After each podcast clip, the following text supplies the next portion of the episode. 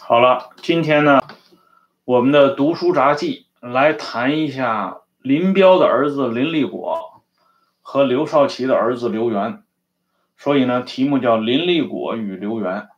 之前呢，我在预告里说要讲一下林立果与司马懿的儿子司马思，实际上呢，这个话题主要是围绕着林彪的儿子林立果展开的，而具体呢，考虑到。这林立果这话题一旦说起来，恐怕呢是一期讲不完的。于是呢，我准备从头说起。所以，咱们第一轮先讲林立果与刘源这两个人呢，大家听起来都不陌生。两个人年龄呢相差个六岁左右，而他们的父亲呢。他们的老爹都是党内的显赫一时的第二号人物，而且最后都是殊途同归，死于非命。当然，林立果和刘源两个人的命运呢，也是迥然不同。一个呢是一去紫台连朔漠，就是死在了境外温都尔汗；一个呢。是高官得坐，骏马得骑，光荣退休。可是这两个人在年轻的时候，曾经有过一段重合的轨迹，这也就是为什么今天我把这两个人单独拿出来放在一块儿，一会儿就讲林立国与司马师啊，先讲林立国与刘源，给大家讲一个概况。当初呢。就是一九五九年上庐山的时候，有一个司机叫孟昭藩。这个孟昭藩曾经有过一个口碑资料，啊，他这个资料呢，就是回忆到林彪一家在一九五九年上庐山的情形。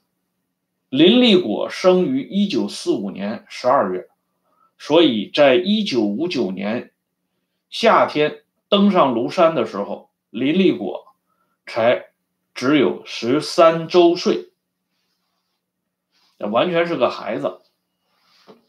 这个孟昭藩呢，他就发现了一件事情，他说这林立果呀，穿着实在是太朴素了，朴素到了一种类似于寒酸的程度。就说他的那个裤脚，林立果那孩子，他的那个裤脚都是。接出来的，就说原来的裤子短了以后呢，他老娘叶群专门又给他接出来一块，所以那个裤子呢上下颜色是不一样的，一眼就能让人看出来这条裤子是接腿裤啊，当时叫接腿裤，所以这孟昭藩感到奇怪，堂堂中共中央副主席、中央军委副主席林彪。啊，那个时候还没到当军委副主席的时候啊，但是呢，是中共中央副主席，简直是无法想象他的儿子怎么能穿街腿裤呢？于是这孟昭藩就跟叶群之间展开了一番探讨。这叶群呢就说了实话。据这个孟昭藩回忆呢，叶群的原话是这么讲的：叶群呢说你不知道。老虎穿衣服废，我们的布票早就用完了，首长又不准我开口，只好委屈孩子。这孟昭藩有个大儿子叫孟宪红，他的小名呢也叫老虎，就是也是属虎的，属虎的。然后呢，比林立果小了四岁。林立果的小名呢叫。老虎，所以林立果跟这个比他小四岁的小伙伴玩的很高兴，他就管这司机孟宪藩的儿子啊，孟昭藩的儿子孟宪红叫小老虎。两个人呢，一个大老虎，一个小老虎，就这么互相乱叫着，完全看不出来这是一个帅府公子，那个是普通司机的儿子，玩的非常高兴。所以呢，叶群啊，才跟这个孟昭藩说了这么一番貌似掏心窝子的话，说这家里啊布票不够用。这孟昭藩一听呢，就急公好义了。他说这个不算什么，马上打了包票。他说我给你搞一些布票来，这有什么了不起的？于是呢，这孟昭藩就搞了一些布票给叶群，一共搞了一丈五尺的布票。叶群呢非常高兴，他说你要能搞来我就要。然后呢，叶群收下以后还告诉孟昭藩，千万别让首长知道啊，就是说千万别让林彪知道。这段回忆呢，就是向我们凸显了。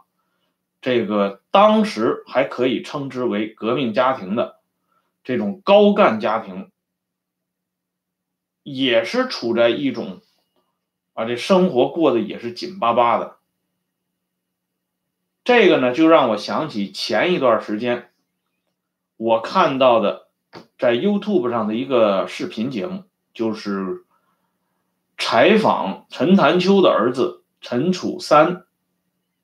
有那么一个访谈，陈楚三呢，亲口向大家讲述，康生的老婆曹一欧也曾经向他借过全国粮票。后来呢，陈楚三就给了曹逸欧一百斤的全国粮票。实际上呢，陈楚三向大家展示的也是这个意思，就是说。领导干部、首长相当朴素。有的朋友说后边的码扫不到，或者是挂的离摄像头有点远，那我就把摄像头再拉近一点。不知道这样效果是否好一些？但实际上呢，我们知道这些东西都是表面的。程前的女儿曾经亲口回忆过，在大饥荒时代，就是人人民群众已经出现大面积的因饥饿造成的非正常死亡。就在饥荒遍地的1960年和1961年，程前的女儿跟着他老爹到北戴河度假的时候。他给大家追忆了一下当时的饮食，那个饮食之丰盛、之丰富，就是在今天的标准来看，那也是一般人可望而不可及的。而这些事情呢，实实在在的发生在全国大面积饿死人的背景下，可见呢，穿什么接腿裤啊，要什么全国粮票。这些表面文章完全掩盖不了他们背后的真相，完全掩盖不了他们背后那些血淋淋的事实。这林立果呢，留给庐山的司机孟昭藩是这么个印象。那么，我们再来谈另外几个人最初印象当中的。老虎林立果，这里呢，我们就向大家展示一本书，这个大家相信都应该看过，就是罗瑞卿的女儿写过的一本叫《红色家族档案》的书，主要是写他们全家。在这里呢，他给大家讲了一件事情，他说呢，有一次，这个林立果到他们家，到罗瑞卿家里去玩。在罗瑞卿家里吃饭，盛饭的时候呢，突然不小心失手把这饭锅盖摔得砰的一响，然后呢，林立果吓得是面色大变，啊，然后这罗家的这兄弟姐妹呢，赶紧说没问题，没问题，没关系。这罗宇就是小名猛子啊，叫罗猛猛。就是后来接受明镜电视台采访的罗宇，罗宇就笑呵呵的说：“啊，说了这么一句话。罗宇的原话呢是说还老虎呢，整个一个猫，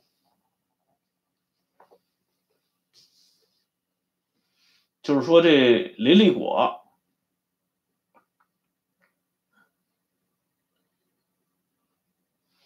号称老虎，可是把这个饭锅盖摔得砰的一响，居然就吓得是，呃，惊慌失措，怎么能配得上他这老虎的称号呢？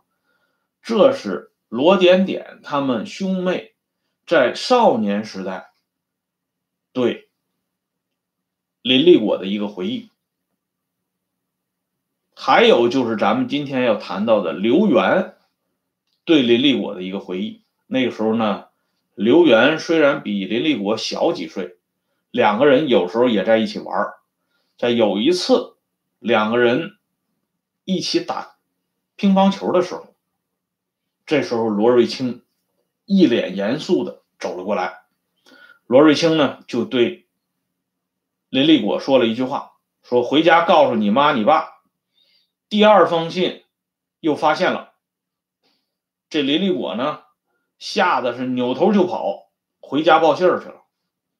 这刘源后来回忆，就是当时刘源不知道这罗瑞卿跟林立果说什么，第二封信又收到了，这是什么意思？他根本不清楚，后来才知道，这第二封信指的就是当时严维兵，就是陆定一的老婆严维兵写的匿名信，啊，辱骂叶群，挑拨叶群和林立恒之间的母女关系这一系列的事情。由此呢，我们也。通过这三个小镜头，看到了当时的这个林立果，似乎呢，与日后的那位林副部长、小舰队的司令员林立果同志搭不上界。然而呢，我们现在先来介绍一下这个刘源，这样呢，大家也许就会找到一个。非常容易嫁接的桥梁，有的朋友说呢，二维码尽量垂直于镜头平面，这种角度经刚才测试无效哦。这个我是完全没经验的，是经过朋友们的建议，才在这个书架上面悬挂了两个二维码，一个是公众号，一个是收款码。那既然这么说的话，我一会儿还是用手机给大家展示一下。回过头来呢，我把这个。二维码的位置呢，进行一下调整。刘源是一九五一年出生的，当他呢小学从实验小学毕业以后，曾经在这个中央警卫团搞过一个月的军训，军训期间呢，专门跑到中南海去站岗。一九六四年。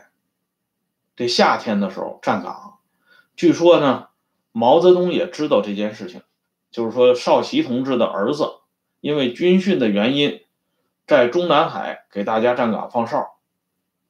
这件事情的发生，实际上是非常有意思的事，这就是为什么我们今天要把刘少奇的儿子刘源同林彪的儿子林立果放在一起讲的原因。刘少奇这么做，事实上是代表了他们那一大批所谓的老一辈无产阶级革命家、政治家和军事家们共同的心声和既定的政治安排，因为他们很清楚，他们打下来的江山，所谓“父母忠贞为国仇”，红色江山靠谁守？靠谁守呢？就是靠自己的孩子来守，这个话呢，最后是由陈云说了出来，而他们之前呢，就已经开始付诸于行动了。毛岸英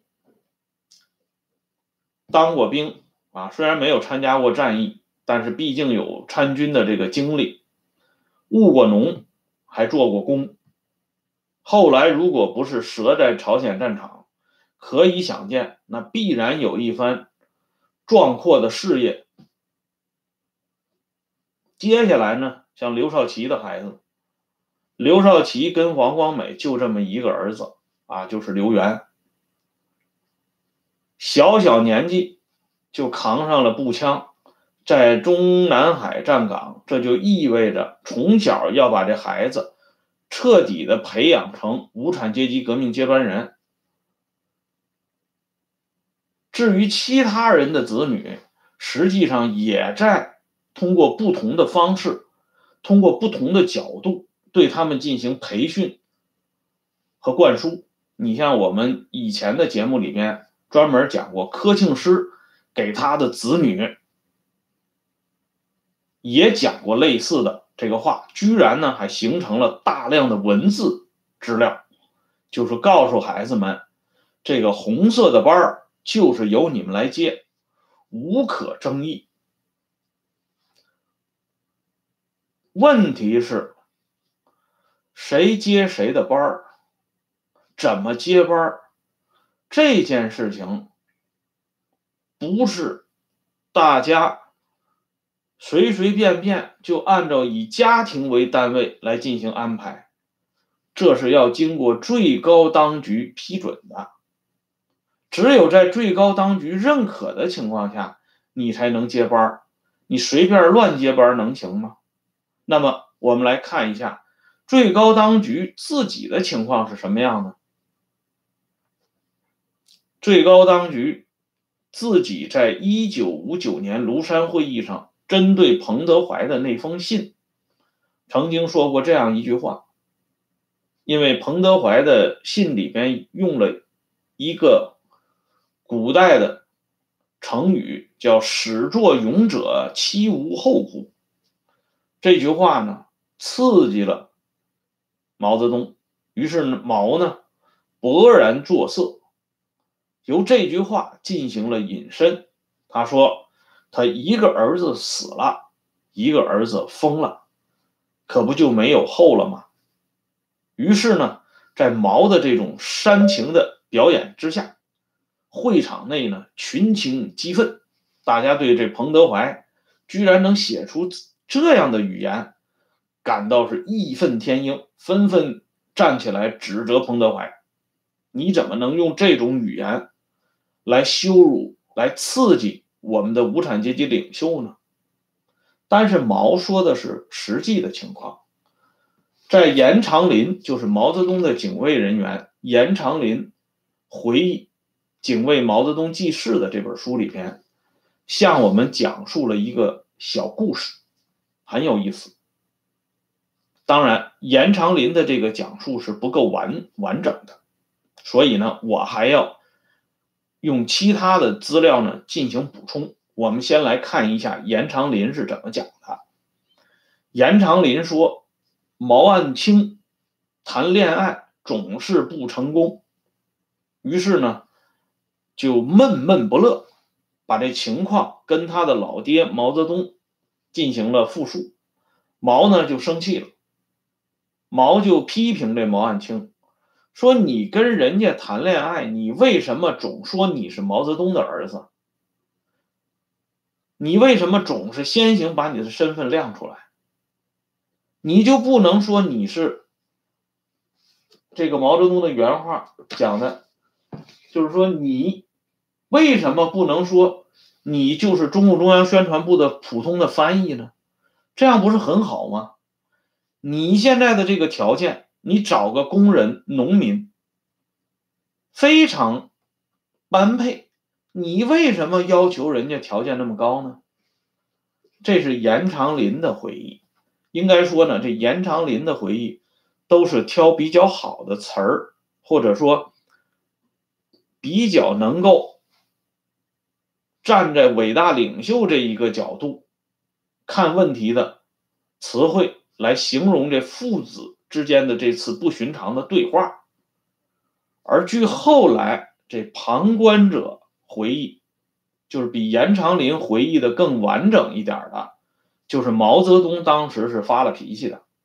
毛泽东首先就骂那毛岸青，说你怎么连个女人都谈不下来？你二三十岁的人，连个女人都谈不下来，你还好意思在这里哭鼻子？你为什么一写信就告诉人家你是毛泽东的儿子？你不告诉人人家你是毛泽东的儿子，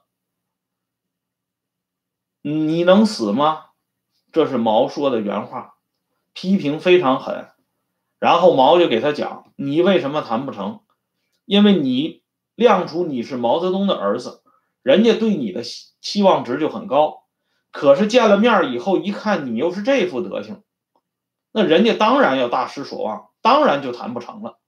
所以呢，这严长林后边的话，大家也就能理解了。就是说，毛说你为什么不用中宣部的翻译这个名义跟人家写信呢？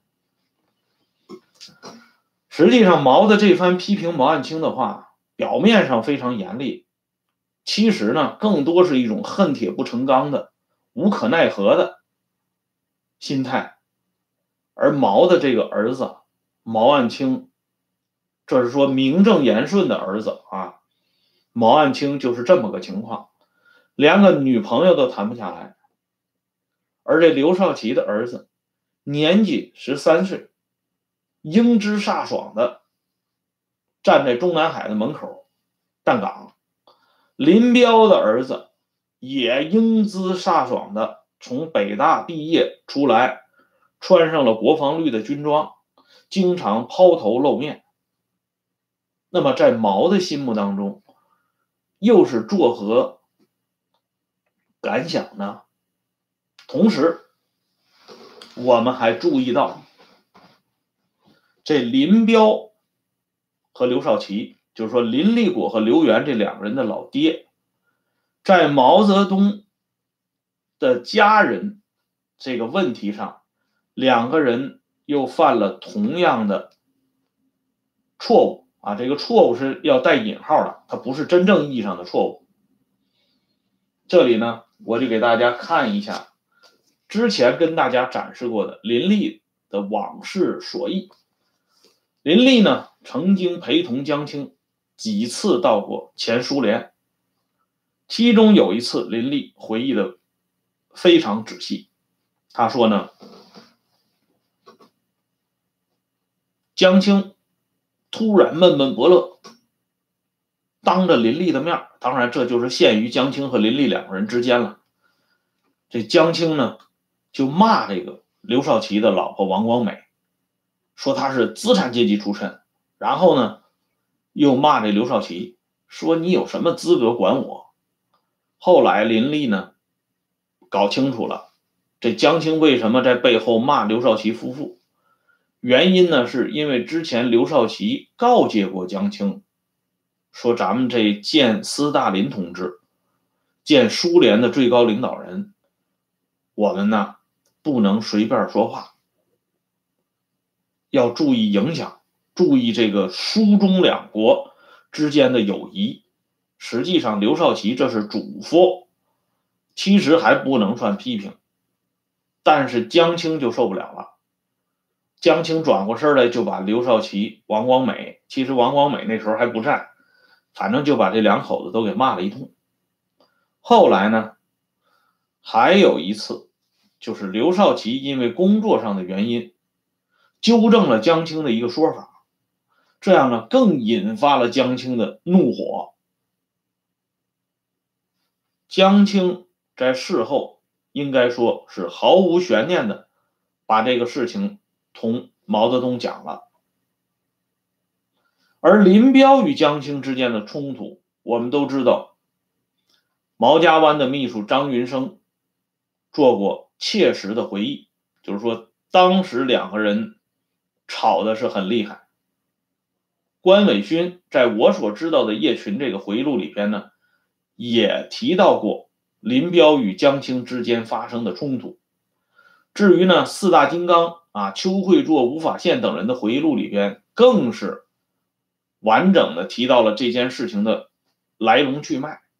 总之，林彪与江青吵翻了，而我们看到的是，林彪和刘少奇分别作为毛泽东在不同历史时期指定的接班人，在与江青发生直接或者是间接的冲突之后，他们的命运似乎呢就早已经注定了。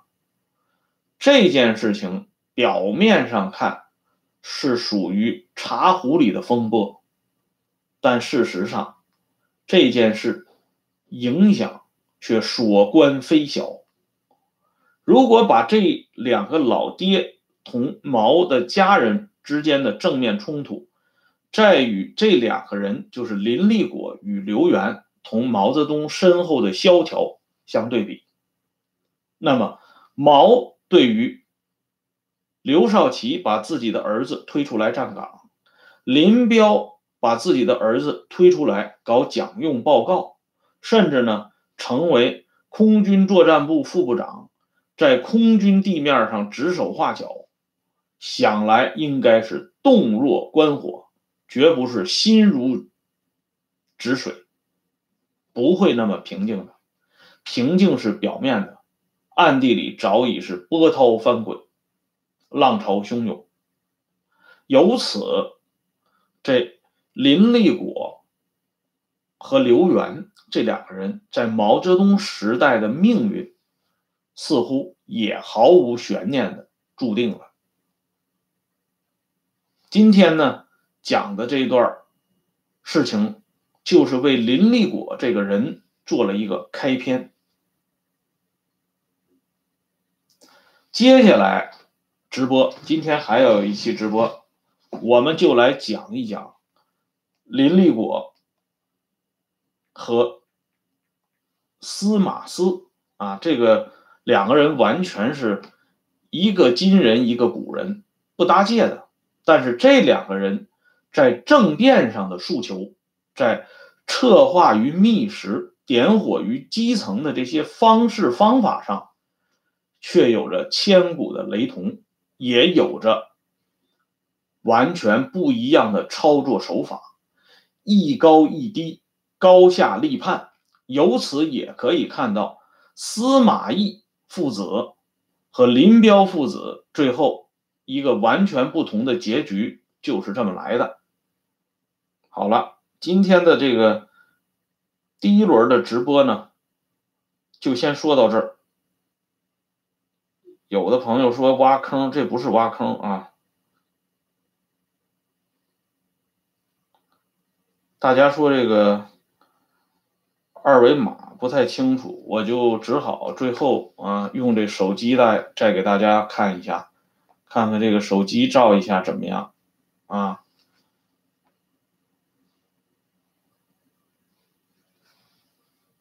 就是这两个二维码，